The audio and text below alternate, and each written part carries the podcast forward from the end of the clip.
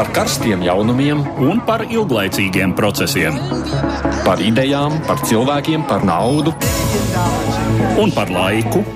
Par abām mūsu planētas puslodēm, un lietojot abas smadzeņu puslodes.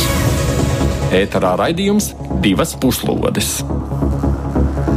Tad ar klātu atkal laiks raidījumam divas puslodes, un studijā Edvards Līniņš un Aits Tomsons. Laiks, kad ceturtdienās runājam par aktuālo pasaulē. Krievijā plašus protestus izraisījis jaunās valdības nodoms palielināt pensijas vecumu.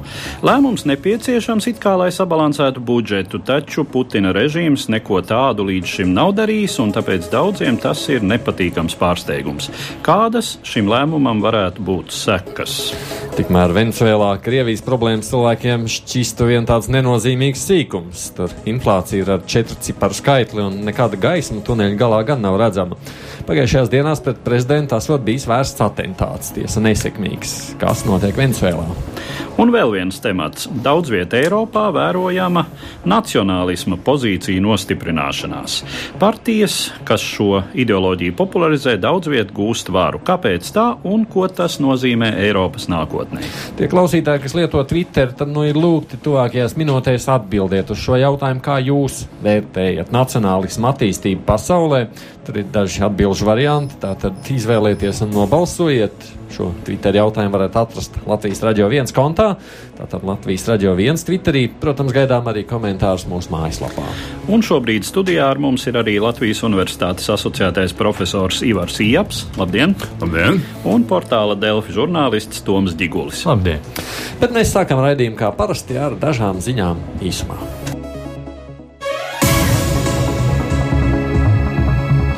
Lai gan attiecības starp Turciju un Vāciju ir ļoti pasliktinājušās, Turcijas prezidents Reģeps Taips Erdogans septembrī ieradīsies divu dienu valsts vizītē Vācijā.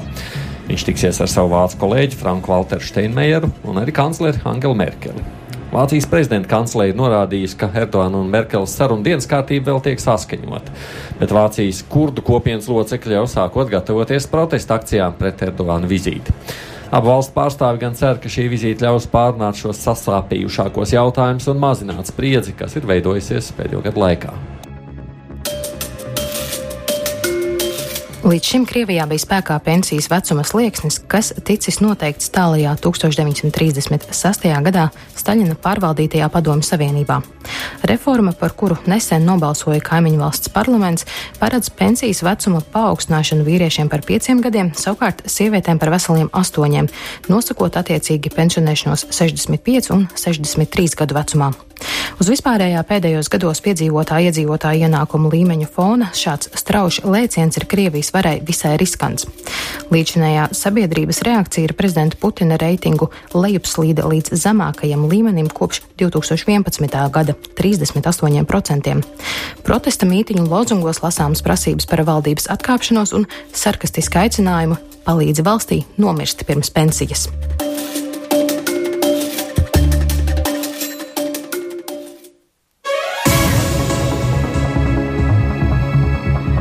Turpinot par ziņām, arvien vairāk gan politiķi, gan sabiedrība gatavojas tam, ka Lielbritānijas izstāšanās no Eiropas Savienības var notikt bez noslēgts vienošanās. Lielbritānijas politiķi pat lēš, ka tas ir ticamāks scenārijs nekā vienošanās.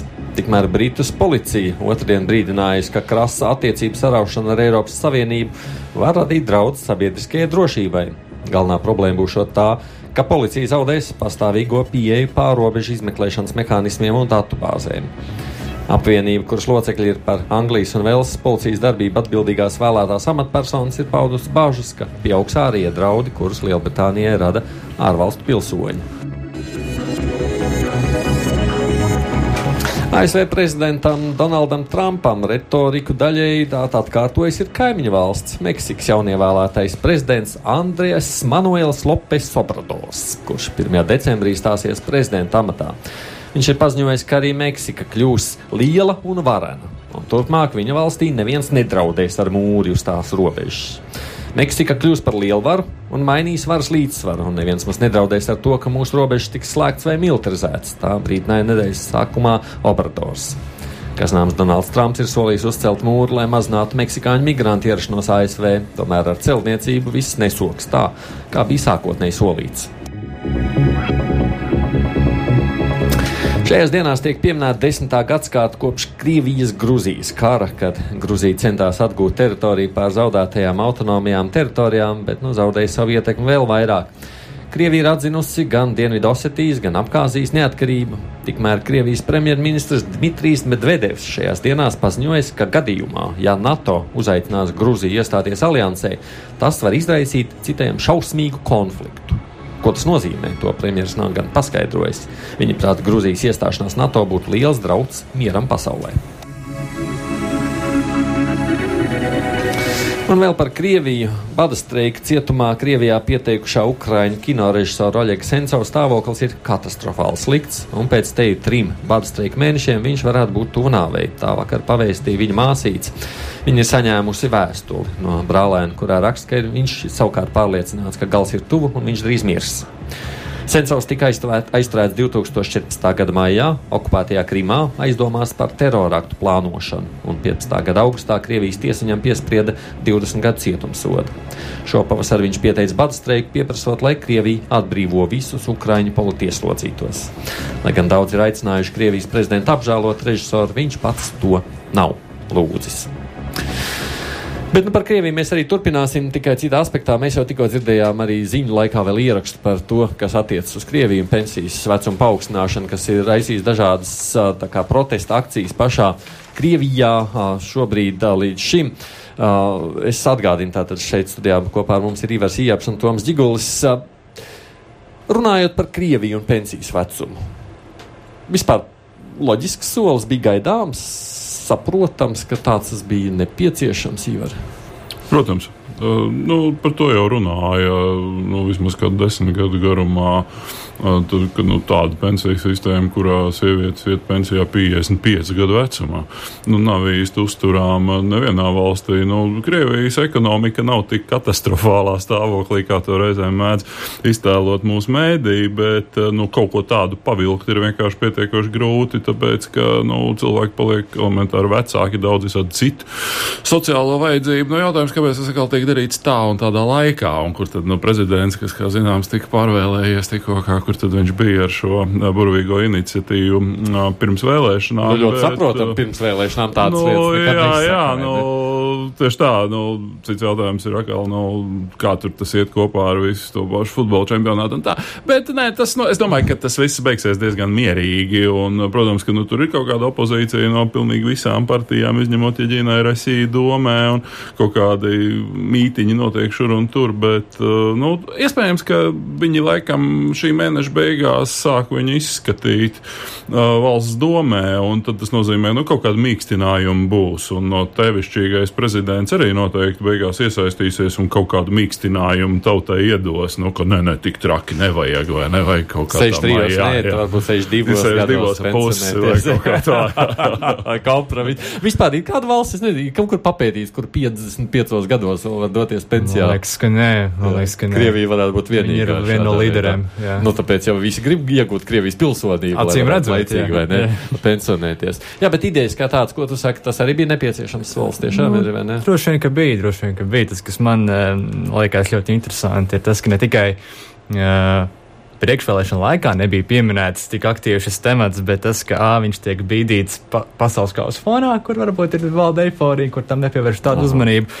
Un otrs arī tas, ka uh, premjeras Medvedevs un, un citi Krievijas politiķi tiek pasniegti kā nu šo reformu, tā teikt, bīdītāji tēvi, kamēr prezidents Putins stāv kaut kur malā, viņam ar to nav nekāda sakara, ja, un es arī pievienojos, ka droši vien kaut kāds risinājums tur būs beigu beigās, un ka tas varētu nākt no paša Putina, kurš tad. Uh, tiks pozicionēts kā tāds stabilizators šim visam procesam, un, un beigu beigās viņš būs tas, kurš ne tikai būs veicis vajadzīgo reformu, bet arī būs izglābis tautu no, no, no, no šīm trakajām reformām.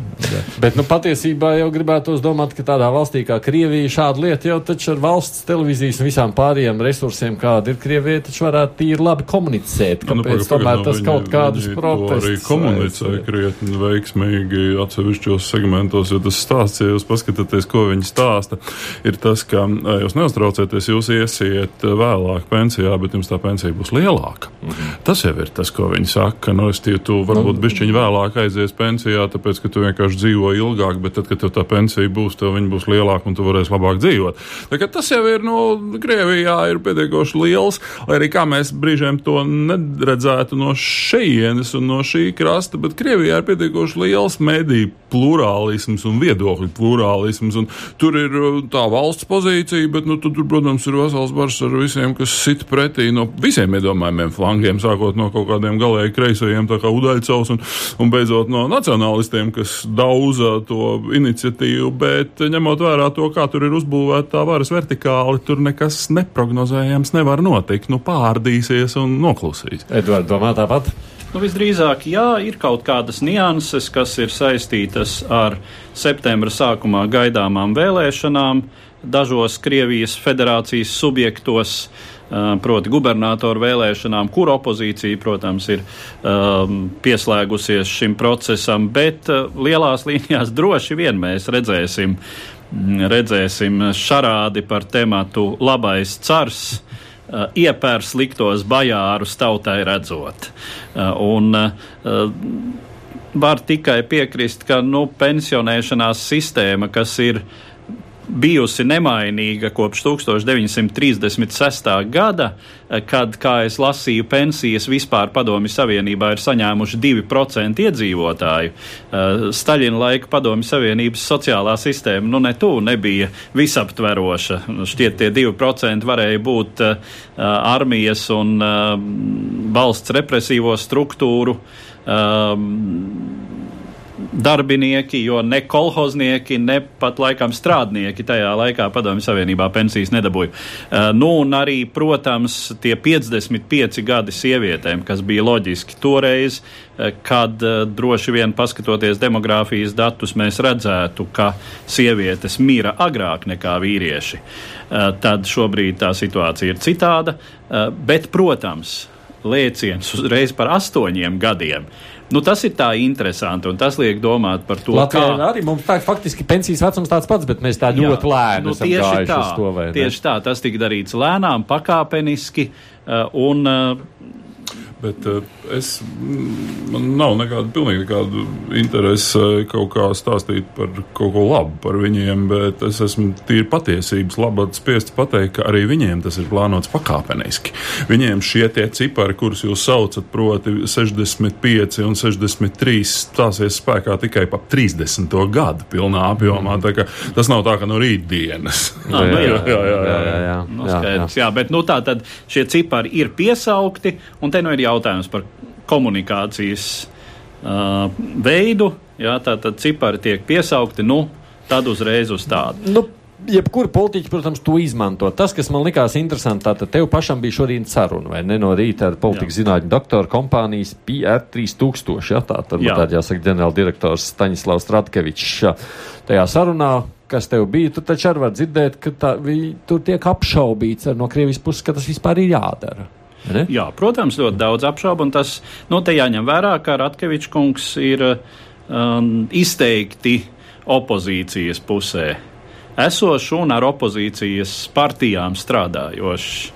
Cilvēks. Jā. Jā. No, nu, paklausāmies mēs šo telefonu sarunu. Vai jūsuprāt šīs pensiju reformas pamatā ir objektīvi priekšnoteikumi, kā dzīves ilguma rādītāju pieaugums? Attiecīgi, vai pašreizējos protestus nosaka tas, ka pats politiskais risinājums ir neadekvāts, vai arī tā ir vairāk varas nespēja šo risinājumu adekvāti komunicēt?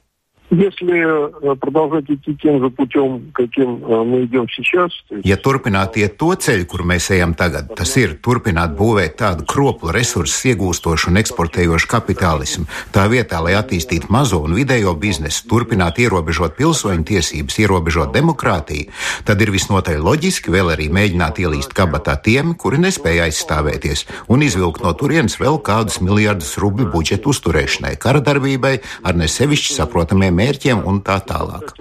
Ja savukārt modelis tiktu mainīts, tad šeit, protams, nav nekādas loģikas. Šai naftu, gāzi, zelta, dimantus iegūstošajai valstī pilnīgi pietikt resursu, lai pensijas vecumu nepaukstinātu, pat ievērojot to, ka uz mūsdienu sabiedrībā notiekošo demografisko procesu fonu šāds pensijas vecuma paaugstinājums pat šķistu visai loģisks. И, казалось бы, не вполне логично. Ja runājam par pašreizējiem protestiem, vai tie savā apjomā un kvalitātē atšķiras no tiem, kas notikuši Krievijā agrāk? Я бы предположил, что не точных цифр, но думаю, что в конечном итоге мы получим а, протесты более интенсивные даже. Man nav precīzi skaitļi, taču es pieļauju, ka gala rezultātā mēs iegūsim intensīvākus protestus nekā tie, kas notika 2011. gadā pēc neveiksmīgi īstenotās Medveģa un Putina rokādes. Tad nokritās vienotās Krievijas reitings, tas atspoguļojās valsts domas vēlēšanu rezultātos. Tik mēģināts īstenot netīras vēlēšanas, sekoja balto lentīšu kustības demonstrācijas. Kopš tā laika, es teiktu, nav bijis tik plašs un es teiktu saskaņot protestu, kādi ir vērojami tagad pret mēģinājumiem paaugstināt pensijas vecumu. Es vēl nezinu, kādu sāsinājumu šīs akcijas sasniegs. Šobrīd Krievijā notiek priekšvēlēšana process pirms 9. septembrī gaidāmajām daudzu reģionu vadītāju vēlēšanām, un pilnīgi visi opozīcijas spēki noteikti izspēlēs šo pensijas vecumu paaugstināšanas tēmu, izmantos to savās priekšvēlēšanu kampaņās. Используют ее э, в своих э, предвыборных кампаниях. Kādi ir iespējamie pastāvošās varas uzvedības modeļi, ja pieņemam, ka protesti varētu kļūt vēl intensīvāki un sākt radīt konkrētas problēmas? Власть, безусловно, почувствует, немножко перегибает палку.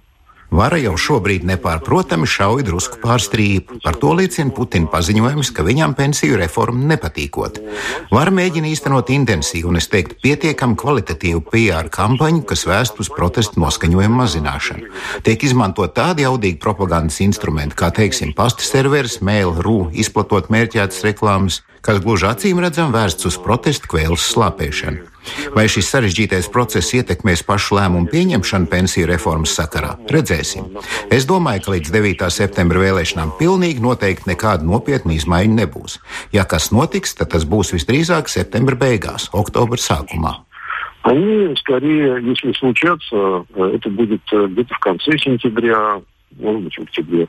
Kā jūs vērtējat iespēju, ka popularitātes kritumu Krievijas iekšienē prezidents Puķins varētu mēģināt kompensēt ar kādām ārpolitikas akcijām? Līdz ar to no Krievijas var sagaidīt kādus nepatīkamus ārpolitiskus pārsteigumus.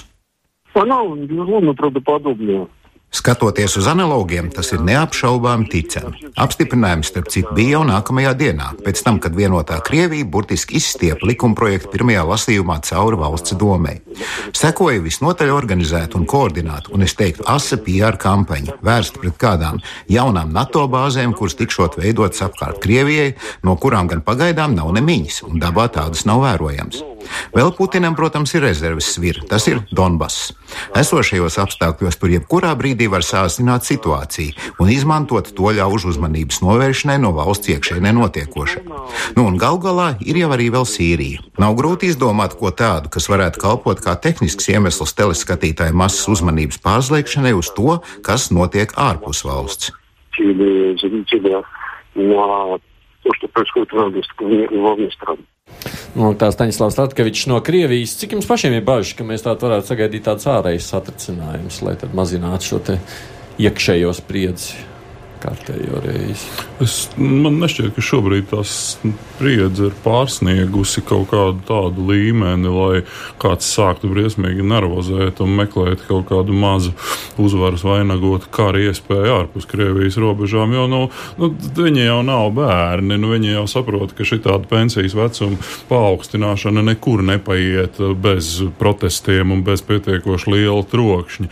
Nu, šobrīd nekas neizskatās, ka tā situācija ir ārpus kontrolas kontrols. Bet tas, ka retorika būs nu, tā pati un varbūt pat bišķiņa spēcīgāka nu, par to, ka Krievija atrodas ienaidnieku ielēkumā un ka īstenībā mums visiem ir jākonsolidējās ap Kremli, tas noteikti tā būs. Bet man liekas, ka tas stresa līmenis šobrīd ir pārsniedzis kaut kādas sarkanās līnijas. Viņš, manuprāt, ir pilnīgi normas robežā. Uh -huh.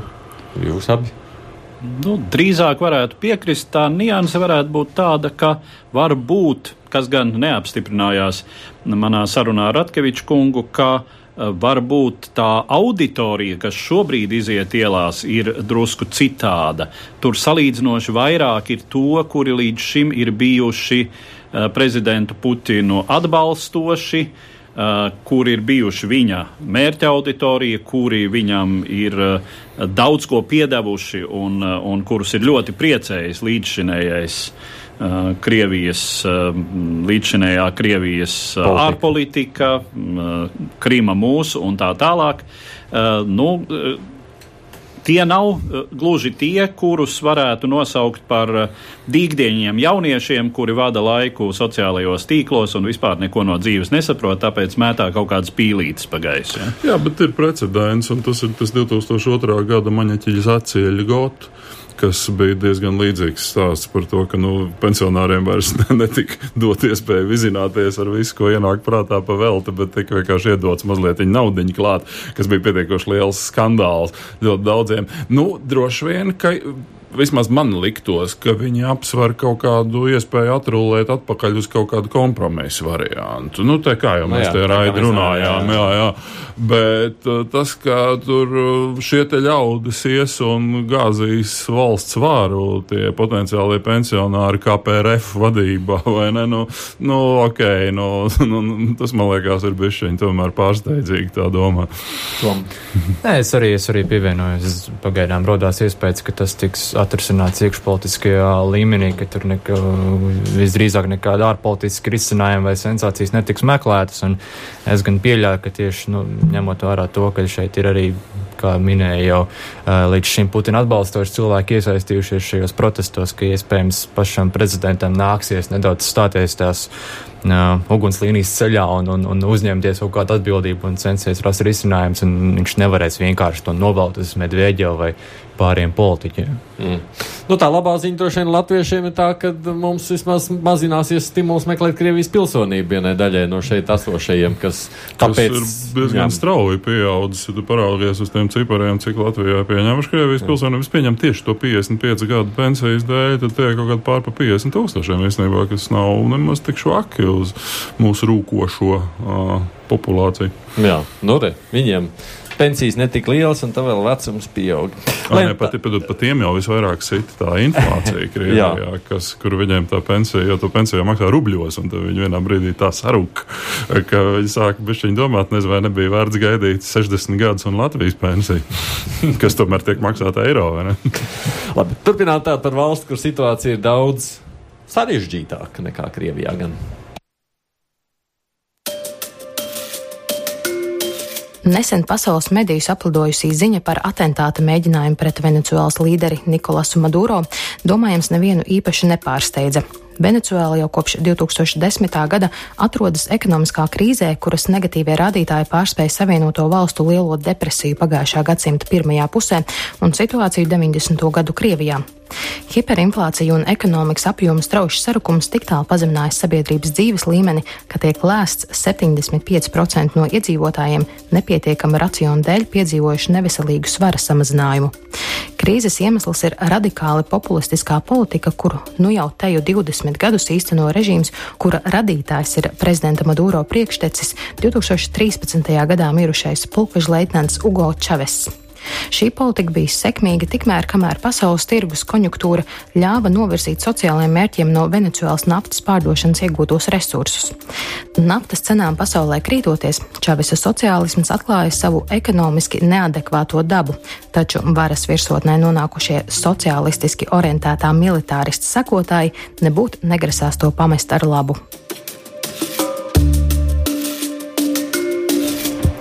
Es atgādinu, studijā šeit Latvijas Universitātes asociētais profesors Ivars Ieps un arī portāla Delfa žurnālists Toms Džigulis, protams, arī mēs ar Eduardu Liniņu. Iespējams, ka varbūt tagad turpināt šo tematu par Venecuēlu. Ir vērts vispirms noklausīties mums vēl vienu sarunu, kas mums arī šodien tapa. Tā bija savukārt mana ar uzņēmēju Vilu Vītolu. Viņš ir cilvēks, kurš ir pārcēlies no Venecuēlas uz Latviju, bet nu, viņam joprojām tur ir gan īpašumi, gan tuvi radi, tuvinieki, un viņš tur ļoti daudz līdz ar to kontaktē un zina, kas tur notiek. Mums pirms raidījuma viņš tā personiskāk iezīmē nu, to trako situāciju, kāda ir šajā valstī. Paklausāmies! Venecuēla ir ārkārtīgi bagāta valsts ar, ar dabas resursiem. Ārkārtīgi bagāti. Tur ir nafta, gāze, zelts, dzelzs, alumīnijas, viss kaut kas, ieskaitot arī garu, garu jūras krastu ar brīnišķīgām peldvietām uz Karibu jūru, kas ir silta jūra, kur ir 365 sezonas dienas gadā. Venecijas naudas vērtība, bolivāra vērtība ir nokritusi un, un, un klausies labi. 3,8 miljardi bolivāru par vienu amerikāņu dolāru eh, līdz kaut kādam 84. gadam. Toreiz par 4,3 bolivāriem varēja nopirkt vienu amerikāņu dolāru brīvi. Tā kā pie mums iet bankā pirkt, pārdot valūtu, nekāda ierobežojuma nebija. Šodien vispirms jūs nevariet bankā nopirkt dolārus, un, un eh, tajā paralēlajā tirgū, ko sauc, kas galvenokārt darbojās aiz Venecijas robežas, tādā pilsētiņā, Kolumbijas pilsētiņā, kas saucās Kukuta. Tur notiek viss tās nav tie naudas darījumi. Nauda netiek skaitīta, nauda tiek svērta. Kad Čāvis nāca pie varas 99. gadā, Venecijā bija 17 tūkstoši ražojošu fabriku. Šobrīd tādi ir apmēram 2500, un viņas, e, ir, viņas darbojas ar aptuveni vidēji 30% no savas kapacitātes, jo trūkst izēvielas, kuras nav iespējams importēt valūtas trūkuma dēļ. 2017. gadā Venecuēlā ar šaujamieročiem tika noslepkoti vairāk nekā 30 tūkstoši cilvēki nolaists infrastruktūras dēļ galvaspilsētā Karakasā Tagad ūdens tiek piegādāts puse no nepieciešamā. Nevar dabūt rezerves daļas automašīnām, nevar dabūt riepas, un, bet viss bīstamākais un jaunākais ir, ka trūkst medikamentu. Pagājušo gadu medikamentu trūkuma dēļ nomira apmēram 11,000 bērnu. Kāpēc Venecuēlas tauta pacieš to situāciju, kādā viņa ir nonākusi? Jums būs viegli saprotama mana atbilde, jo jūs varbūt piedzīvojat to, kā e, latviešu tauta un arī krievu tauta bija spiests paciest komunismu režīmu. Vienkārši situācija ir tāda, ka vara un, un armija un slepenā policija viss atrodas um, valdības rokās. Um, viņi ir nežēlīgi. Uh, viņi ir apspieduši jau neskaitāmas uh, demonstrācijas un gājienas un cilvēku pulcēšanās, kurās ir piedalījušies, saka, pat līdz miljonam cilvēku.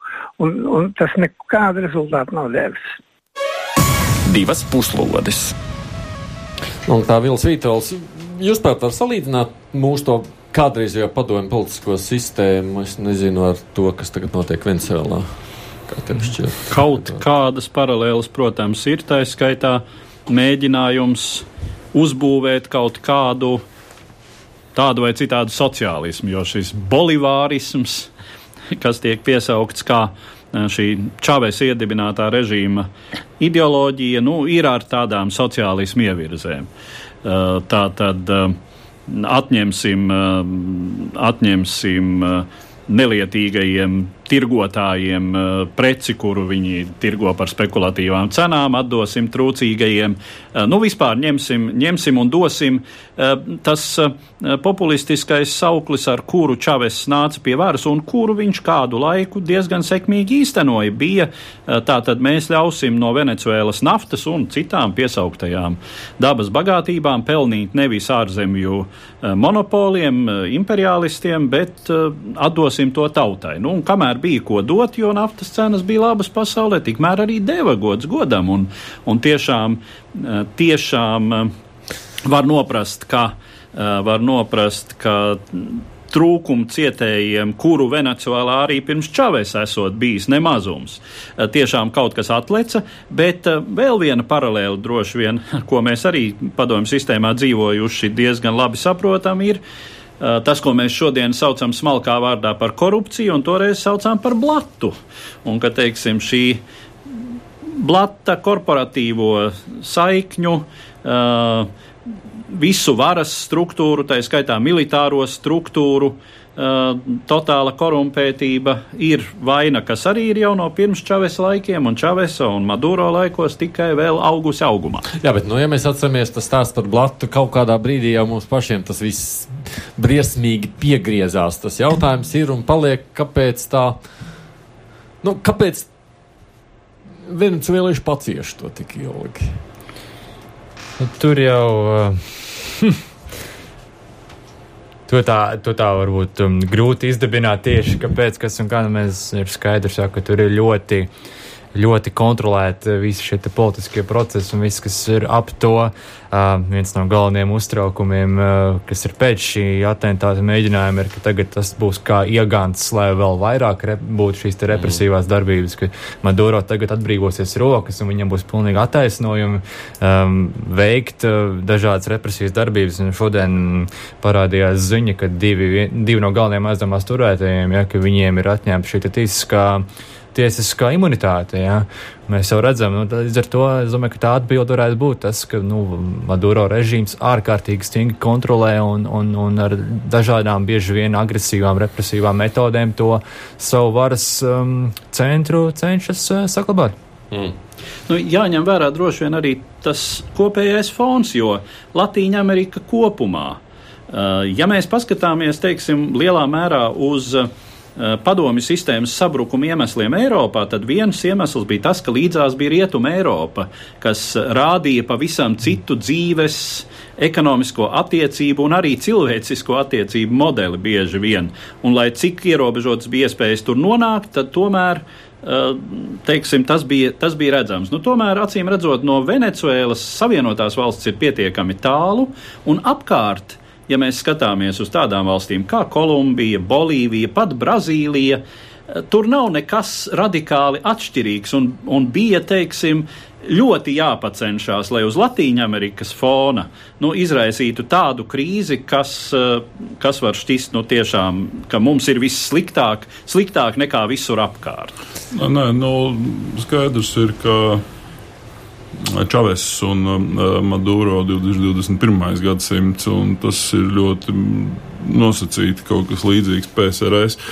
Jo tie ir īpaši jau Čavēs, ir viens vienkārši harizmātisks populists, kurš iesākumā un līdz pat savai nāvei baudīja ārkārtīgi lielu popularitāti sabiedrībā tieši ar visām tām politikām, par kurām tika runāts. Nu, respektīvi, tur atņemsim sliktiem imperiālistu naftas investoriem naudu un sadalīsim uz galviņām, ierīkosim džungļos slimnīcas, ko viņi arī reāli izdarīja. Nu, tad, jā, nu, tad tagad tur ir tās slimnīcas, un tādā ziņā tur nevajadzētu pārspīlēt to, ka tas turās uz represijām. Nu, PSRS tur nu, lielos vilcienos, nu, tu piedošanu Leonīdu Ļīču, jūs atceraties apmēram, kāds viņš izskatījās, ja, un tad salīdziniet to bildīt ar Čavēs, un jūs sapratīsiet, ka tas ir kaut kas pavisam cits. Tas turējās ļoti lielā mērā uz tādu harizmātisku līderību, kas ir kā reiz tā bolivāriskā līderība, par kuru jau te Edvards runāja, bet tā mācība jau no tās Venecuēlas ir, nu, tur varētu teikt, nu, vispār nu kādā veidā pie kā neizbēgam noved šādas no sociālistiskas politikas.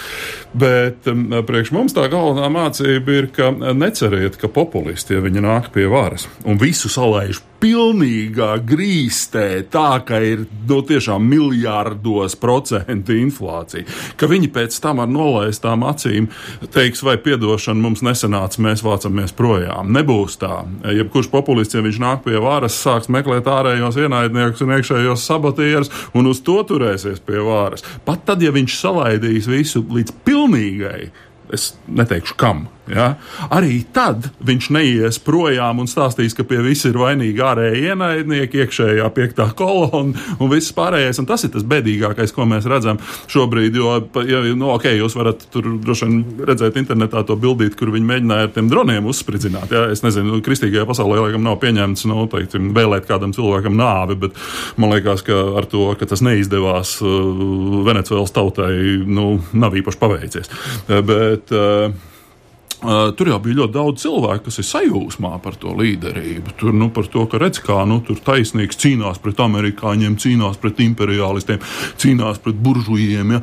Tādā ziņā jau tas jau nu, nav tik vienkārši. Nu, pēc Viļa Vītola aplēsējuma apmēram 20% tautas šobrīd joprojām atbalsta Maduro nu, jā, tā, nu, piektā daļa. Tā jā, nu, droši vien tie ir tie, kuri joprojām profitē tā vai citādi no šī režīma. Nu, pirmkārt, tās ir tās represīvās struktūras un valsts aparāts, nu, un tad vēl tiešām tie, kuriem viņš iespēja pacelt to dzīves līmeni, kas, kas bija nu, šis režīms, paspēja, kas, kas bija pirms tam, nu, acīm redzot, nožēlojams, kas ir vispār uh, vispār vērojama parādība lielākajā daļā Latīņa Amerikas, nu, izņemot varbūt, varbūt Čīle un Argentīna salīdzinoši. Ir, ir tādas sabiedrības, kur nav šo uh, masveidīgo graustu pilsētu un tā tālāk. Un tā tālāk. Jā. Nu, tas, ko sacīja Vils Vitols, tas, kādā veidā visticamāk šobrīd darbojas tā sistēma, kāpēc armija un tās speciālās vienības arī atbalsta joprojām, jo mums jau zināms stāsts, ka tās nostājas pretī, tad jau tādas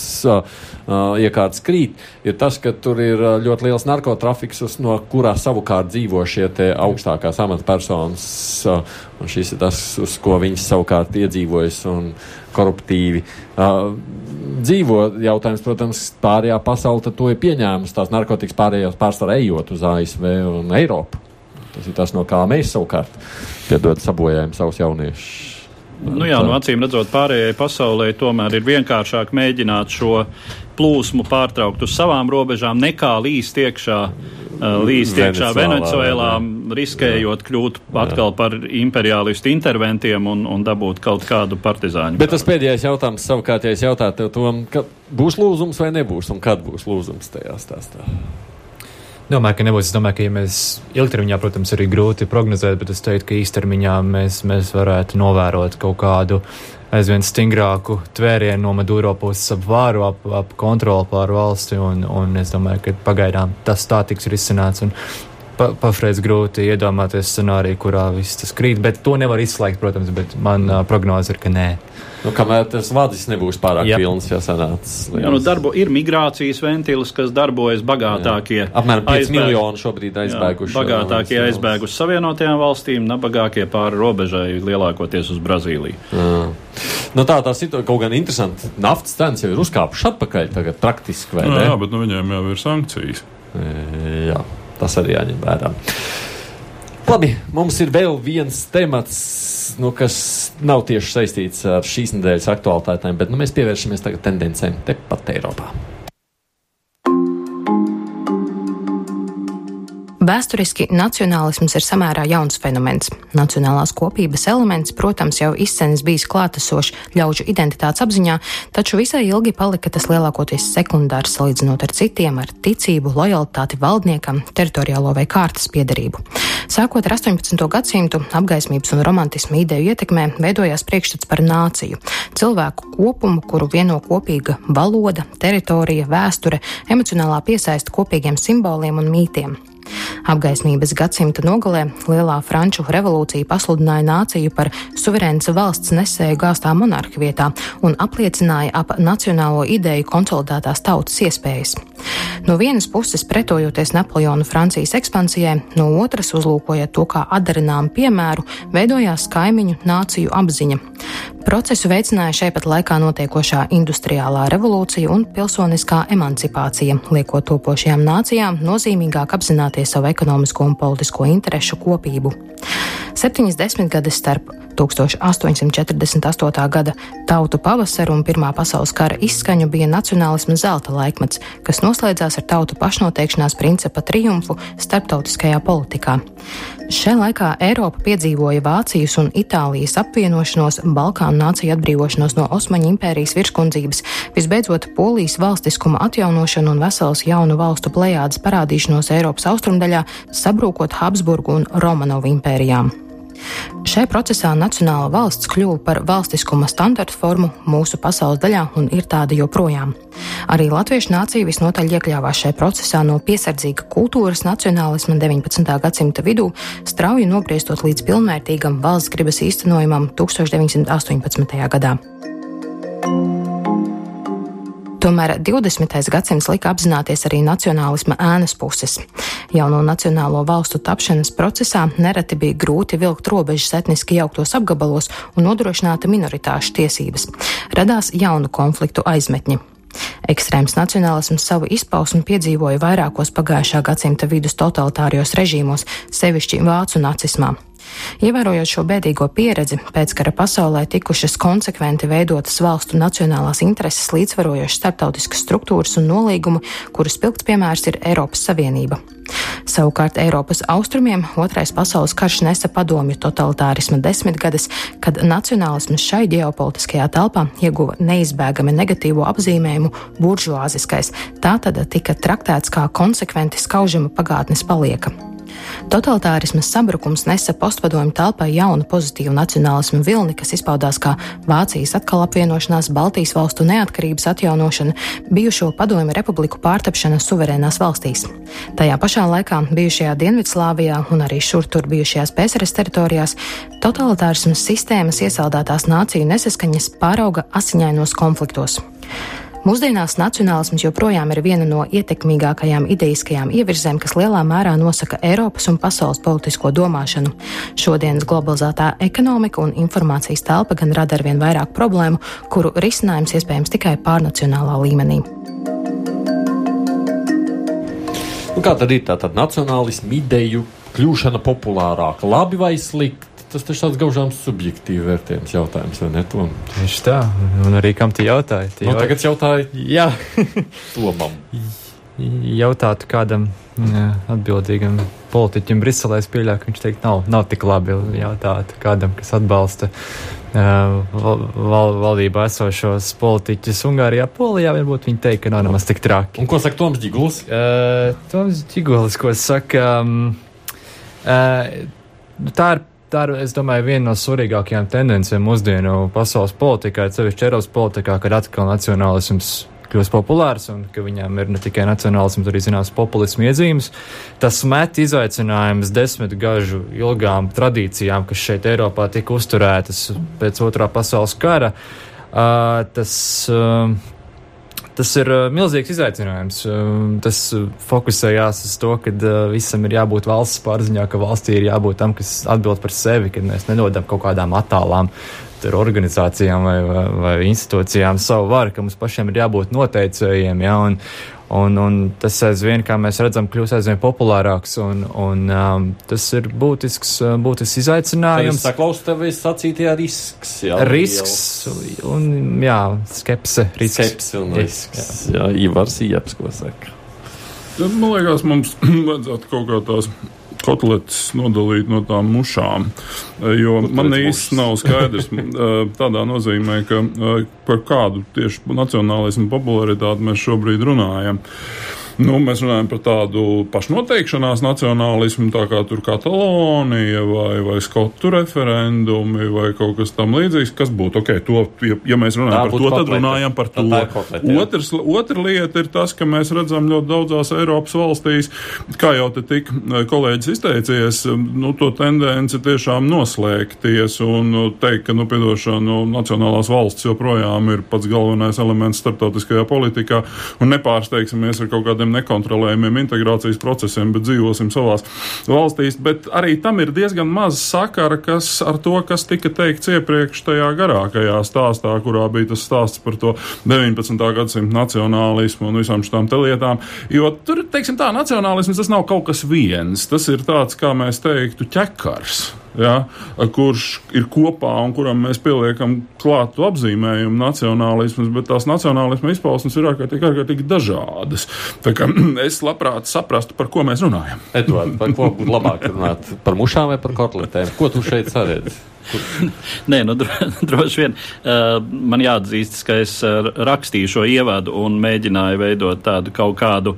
Uh, Čekaru. Asorti. droši, vien, čekaru, droši vien no visa, bet. Um, un, un to, kas, kas apvieno, nu, varbūt ne mušas un kotletes, bet, bet desas un karbonādes. Bet, jā, nu, ir, ir no vienas puses atbildot tā ļoti vispārīgi Ehm, nacionālismam vienmēr ir bijuši riska momenti, bet nacionāli, nacionālisms vienmēr kopš, kopš tas pastāv, kopš uh, apgaismības laika ir bijusi nepieciešamība uh, politikā. Un to jau mēs, es domāju, visi ļoti labi apzināmies. Un galu galā, uh, galu galā tas pēc krietni ilga perioda ir, ir ticis ierakstīts arī Latvijas satversmē tās preambulā, ka tā tad Latvijas valsts pastāvēšanas pamats ir latviešu nācijas valsts griba. Un, nu, riska, riska momenti var būt tai ziņā, ka tiešām šur un tur Eiropā var, var vērot tādu mm, nu jā, šo izolat, zinām, izolacionismu, savu eh, konkrēti nacionālo interesu pretstatīšanu eh, Eiropas kopējām interesēm, kas droši vien eh, nu, nav, nav loģiski, jo nu, savā galējā konsekvencē eh, tas vestu pie, atkal pie atsevišķu nāciju valstu eh, Eiropas, vāji koordinētu un Un, kā zināms, nu vienreiz apmēram kaut kas tāds Eiropā pastāvēja starp diviem pasaules kariem, un tieši tāpēc tas lielā mērā arī bija laiks starp diviem pasaules kariem. Ja, bet es drīzāk, ja es drīkstētu sacīt tā, nu, es, es to saredzētu kā tādu trendu, sacīt tā, Latviju latviešiem, nu, pieņemsim, jā, ja, ar to domu sakot, nu, lūk, Austrijā, pieņemsim, mēs gribam, lai Austrija ir austriešiem, nevis tur Āfrikas iebraucējiem. Jā, un nu, kas ir austrieši? Tāda viedokļa, jā, nu, lūk. Piemēram, jā, jā, jā. ļoti labs jautājums. Jā, kas jā. ir austrieši? Nu, kas... Jo vācu valodā runā arī uh, visa Vācija un puse Šveices, jā. Uh, nu, Latvija, latviešiem mums tas tā kā būtu diezgan saprotams. Latvieši ir tie, nu, gan jau, austri, gan jau austrietis zina, ko viņš saprot, kas jā. ir austrieši. Nu, redz, tur ir interesanti jautājumi. Pilnīgi piekrītu tādā ziņā, ka nācija ir vispār modernās politikas pamatjēdziens, un mēs runā, domājam par politiku nacionālās kategorijās. Tādā nozīmē, ka nu, mums ir nacionālās valstis, kurās ir ne tikai tā politiskā identitāte, bet arī atšķirīga kultūras identitāte. Tur ir atšķirīga valoda, atsevišķi kaut kādas, kuras tās valstis uztur un kuras tajā valstī ir publiskās dzīves pamats. Nu, tieši tādā pašā veidā, kā Latvijā publiskās dzīves pamats ir latviešu valoda, ne elementāri. Bet ir jāsaprot, ka tā līdz kaut kādai savai galējai konsekvencei novest tā nacionālisma ideoloģija tieši tāpatās tā kā bolševistiskais sociālisms ir beig beigās totalitārs un pašdestruktīvs. Tādā nozīmē, nu, tie ir tāda pat utopija, vai ne, ka, nu, respektīvi, mēs noslēgsimies no visas pasaules, visi runāsim vienā valodā, visi būsim tikai kā brāļi, vai ne, un neviens svešs te nebūs, un mēs dzīvosim laimīgi, un visus svešos mēs dzīsim ārā. Tā ir tāda pati utopija kā komunisms savā dziļākajā būtībā. Un līdz ar to pats galvenais ir veselais saprāts, jebkurā politiskā situācijā situācijā ar noteiktiem principiem, viņus respektējot, nepārspīlēt līdz absurdam. Jā, bet tā, tā atrast to labo, pareizo līdzsvaru ir tas grūtākais. Jā, bet tāpēc jau ir tas politiskais process, vai ne? Tas, bet, mēs, bet tas, ka nācija ir eh, modernās politiskās dzīves pamatkategorija, nu, to, es domāju, neviens nenoliedz. Nu, mēs joprojām domājam Jā. par pasauli nacionāli. Es teiktu, ka tas politiskais līdzsvars eh, Latvijas likumdošanas ietvara līmenī ir apzīmējums Latvijas tauta. Proti, mēs nevaram teikt, un nedrīkstētu teikt Latviju latviešiem, bet Latviju Latvijas tautai. Citu, piedod, bet man liekas, ka tikko kā viena no tām programmām, kas tika iesniegta šonadēļ tajās partijās, par kaut ko ļoti līdzīgu runāja, kā par Latviju latviešiem. Tur vajadzētu doprasīt eh, cimdaram, bet kaut kāda tāda, nu, teiksim, jau, ne, no tām, ne, ne no tām pašām lielākajām partijām, bet tur bija kaut kas par Latviju mums latviešiem. Mums ir viens saraksts ar latvieši, na, latviešu nacionālisti, nu, tajā ieliekot šo vārdu nacionālais, nacionālists. Nu, iekšā savā. Nebija tie, nu, kuriem, jā, jā, jā. jā. Jā, jā, nu jā, nu lūk, piemēram, tā ideja jau tajā visā stāstā ir. Bet, bet starp citu, interesanti, mēs prasījām klausītājiem Twitterī, nu, tiem dažiem desmitiem, kas ir balsojuši mums par to, kā viņi vērtē to nacionālismu attīstību pasaulē, tad tomēr gandrīz 60% no tiem dažiem desmitiem to vērtē negatīvi. Tikai 18% saka, ka tas un, ir pozitīvs. Cik process. ir nobalsojuši? Nu, tur ir kaut kā pār pa 30, 3, 3. Mm, šobrīd. Nu, jā, nu, kas nu, nozīmē, ka katrs ceturtais saka, ka viņš uz to skatās neitrāli. Nē, nu, protams. Twitteris jau vispār pats par sevi specifiska balsotāja. Nu, jā, vieta, tā, ne? Jā. Bet, nu, sakot tā, ka mēs tā skatāmies arī dienu daļu piesardzīgi uz visu šo procesu. Šķiet, ka diezgan neaktīvs balsojums šodien, tā nav? Uh, salīdzinot ar, ar o, citām tagad es tev nemācīšu atbildēt uz šo sitienu, tam man jāskatās cauri. Mēs gan taisnība, mēs šoreiz krustpunktā nenoreklamējām pašu to balsošanas iespēju šoreiz, kā tas ir darīts cits reizes. Bet kopumā sakot, nu, es nezinu, mēs uz to varam skatīties tā neitrāli kā, kā procesu, kas vienkārši notiek. Mums uz to ir jāskatās uzmanīgi, ar zināmu piesardzību un modrību, kā uz to esam skatījušies līdz šim. Uh, jau visai, visai sen. Kā jūs prāt, kā tas ietekmēs Eiropu tālāk? Nu, ar šo domu, ka redz, mēs gribam pasargāt tomēr savu to nāciju no tādas. Tas jau ietekmē, un šeit, man liekas, atslēga ir arī tā, ka te jau nav tikai kaut kāda Ungārija vai Polija. Ja mēs runājam, mēs redzam, kas notiek ar Brexitu. Mēs redzējām, kas mēs šobrīd redzam, kas notiek ar Itāliju, kas tur nācis pie varas. Mēs redzam tendences Itālijā un Zviedrijā. Ja? Nu, tās visas ir Eiropas lielvalsts, ja? un arī tur šīs te tendences un tā virzība pretī nacionālismam ir diezgan liels. Un pie tam tas, ko mēs tikko runājām par šo līdzsvaru atrašanu, kur tas nacionālisms ir veselīgs un kur jau viņš kļūst par draudu vai par riska faktoru. Man nav pārliecības, ka teiksim, šajās nosauktajās valstīs mēs zinām, kur ir tas līdzsvars. Ja? Tā virzība diezgan strauji notiek uz to. Nu, tas nozīmē, ka mēs vairāk fragmentēsimies. Nezinu, kā tā to varētu sacīt. Nu, tas ir, protams, miljonus dolāru jautājums, mm. jo ir skaidrs, ka tā Eiropas Savienība galīgi vairs neizskatās kāda pirms desmit gadiem. Viņa tur ir pietiekoši ļodzīga atsevišķos momentos, bet no otras puses nevajag pārspīlēt. Es visu cieņu, mums ir bišķiņi, kā jebkurā informatīvā raidījumā, bišķiņi jau dzen klausītājiem stresiņš, tas piedar pie lietas, bet ir jāsaprot tas, ka, piemēram, pēc Brexit, kur jūs pieminējāt, nekāds beigais domino efekts, no kura visi baidījās beigās patiesībā nav sācies. Nu, ok, Briti ir izstājušies, kā viņiem tur iet. Nu, ok, jā, bet tur nav tā, ka viss tagad skrien viņiem pakaļ. Vispārēji plus mīnus palikuši ar to pašu Žanklodu Junkeru, lai, lai kāds viņš jums neliktos, bet nu, vienalga mēs tur patās esam. Un tad tā nākamā fāze, protams, nu, uh, arī pat visi tie nosacītie nacionālisti, arī Orbāns, es atvainojos, neskrien prom no Eiropas Savienības. Viņš, protams, visādi retoriski izpildās un konfliktē ar Bris Briseli, tas viss piedar pie lietas, jā, bet nu, tur nav tā, ka viss tagad mestos projām. Bet tieši Itāļiem pateicoties, kas ir arī viena no dibinātāju valstīm, tur varētu kaut kas negatīvs, diemžēl, sākties atkal, tāpēc, ka, nu, kā saka, viņiem varētu, nu, tie, ko viņi tur ir savēlējuši šobrīd, tas ir pietiekoši, pietiekoši traki. Nu, man klausoties, ir tā sajūta, nu, tas tā kā pa tādiem biļņiem, kuriem mēs te klīstam un ceļojam. Ivars Ijārs, politologs, Latvijas Universitātes asociētais profesors, portāla Delfi žurnālists Toms Dzigulis, arī Latvijas radio žurnālists Edvards Liniņš un mūsu producenti Ieva Valēne. Studijā bija arī es, Aits Tomsons. Nu, lūkosim, protams, kā tas arī tālāk notiksies ne tikai Eiropā, bet arī daudzās citās pasaules valstīs. Es saku tagad uz sadzirdēšanos nākamreiz. Skatīsimies, kas atkal ir nākošā septiņu dienu laikā noticis abās mūsu zemeslodes puslodēs, un tad jau pēc nedēļas atkal tiksimies un pārnāsim nākamās aktualitātes. Divas puslodes!